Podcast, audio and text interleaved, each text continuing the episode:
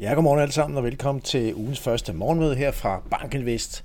Lad os se på, hvad der rører sig. Det var i hvert fald en god sidste uge.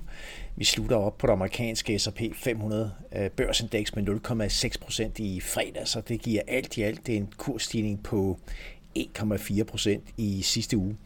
Og det danske OMX Copenhagen Cap Index øh, holder sig også i fin form, plus 0,9 procent i fredags og plus 1,2 procent i sidste uge. De fleste aktiemarkeder de steg hen over ugen, og øh, så må vi tilbage igen på det amerikanske marked, jamen, så så vi ikke mindst, at øh, IT-sektoren altså strøg op med over 3% i sidste uge, og den er så op med 10,2 procent år til dato.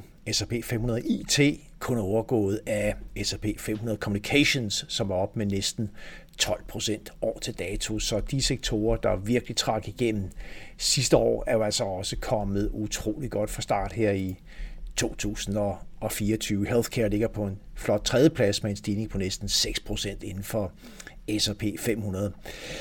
Det er klart, at øh, vi brugte op igennem kurs øh, 5.000. Vi lukkede i kurs 5.027 her i, i fredags, og øh, dermed så er vi også op igennem det, som de fleste sådan top-down øh, strateger i de store Wall Street banker, de, øh, de ser som, øh, som et slut 2024 kursmål ligger i underkanten af kurs 5.000 for de fleste.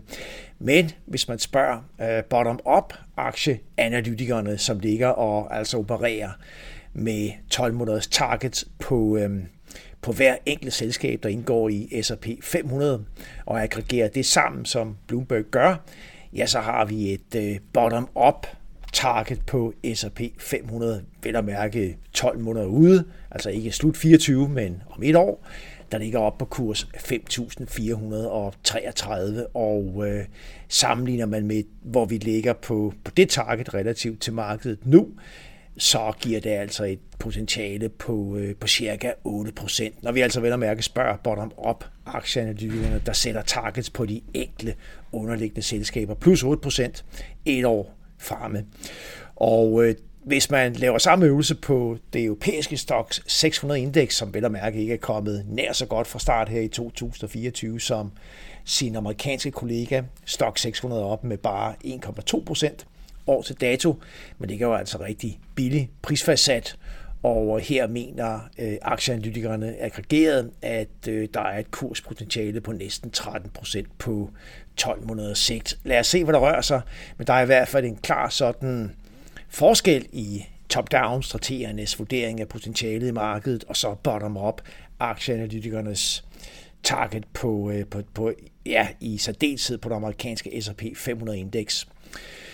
Det vi jo altså også har været igennem på aktiesiden, det er regnskabssæsonen for, for fjerde kvartal, og øh, vi kan altså notere os for det amerikanske marked, S&P 500, at øh, ja, over halvdelen af selskaberne har rapporteret. Vi, vi er vel egentlig op over 70 procent af virksomhederne, der har rapporteret.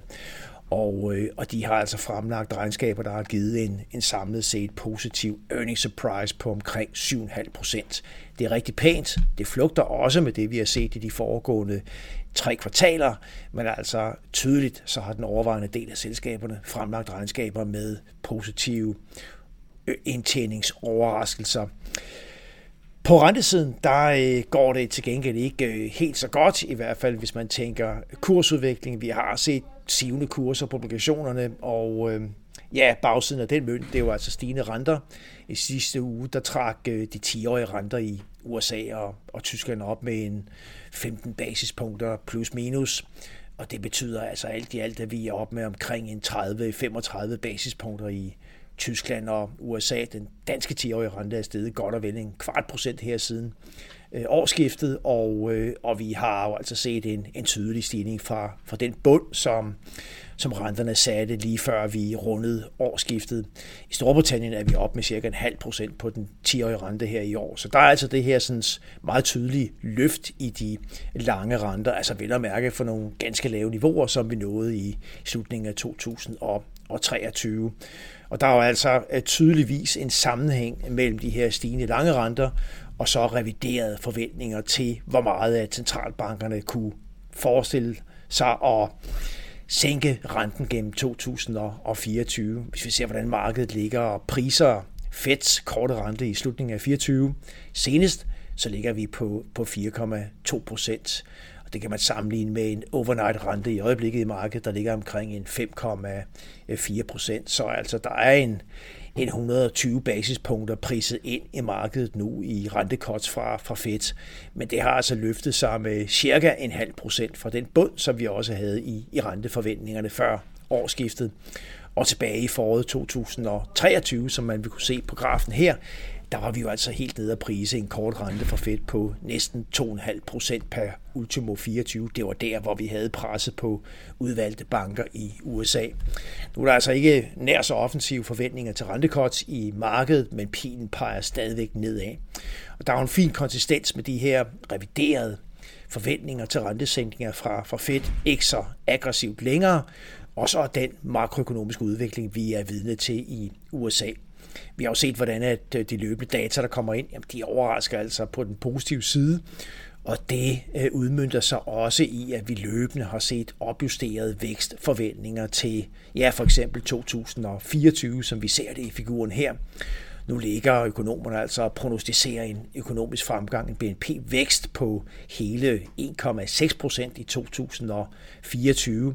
Tilbage i efteråret, der var vi nede omkring en forventning på omkring 0,5-0,6 så man kan sige, i hvert fald når vi spørger økonomerne, jamen så peger deres øh, prognoser på ingen måde i retning af det øh, sådan stagnations- eller endnu værre recessionsbillede, som, som ellers er blevet omtalt i, i den grad gennem øh, 2023. Så vi ser altså prognoserne blive opjusteret, og det flugter jo også med, at USA kom ud af 2023 med en vækst på omkring 2,5 procent, langt bedre end det, der var forventet i starten af året. Så USA performer tydeligvis bedre end forventet.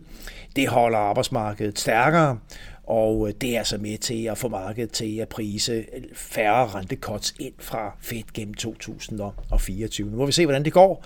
Det er i hvert fald i øjeblikket til, med til at løfte også de, de længere renter ud af, af kogen.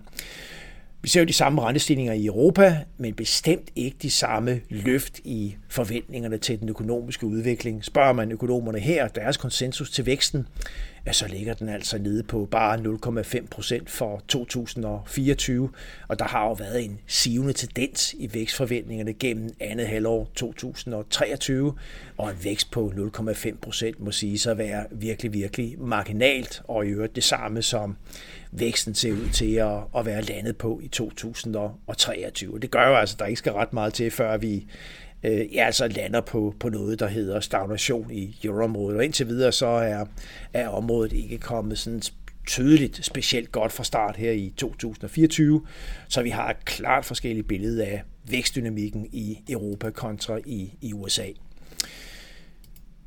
Hvis vi ser på de vigtige begivenheder, der sådan ruller ud i, øh, i den her uge, så er det det store tal, lad os bare kalde det kongetallet. Det er de amerikanske inflationstal, der kommer her i morgen. Det er CPI-tallene, vel at mærke, der altid bliver offentliggjort et par uger før vi får PCE-tallene.